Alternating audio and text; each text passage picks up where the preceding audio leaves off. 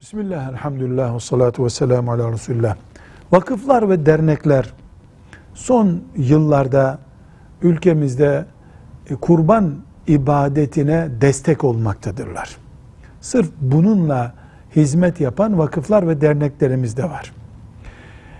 Bu bir ibadettir, ibadete destek olmaktır. Yalnız kurban üzerinden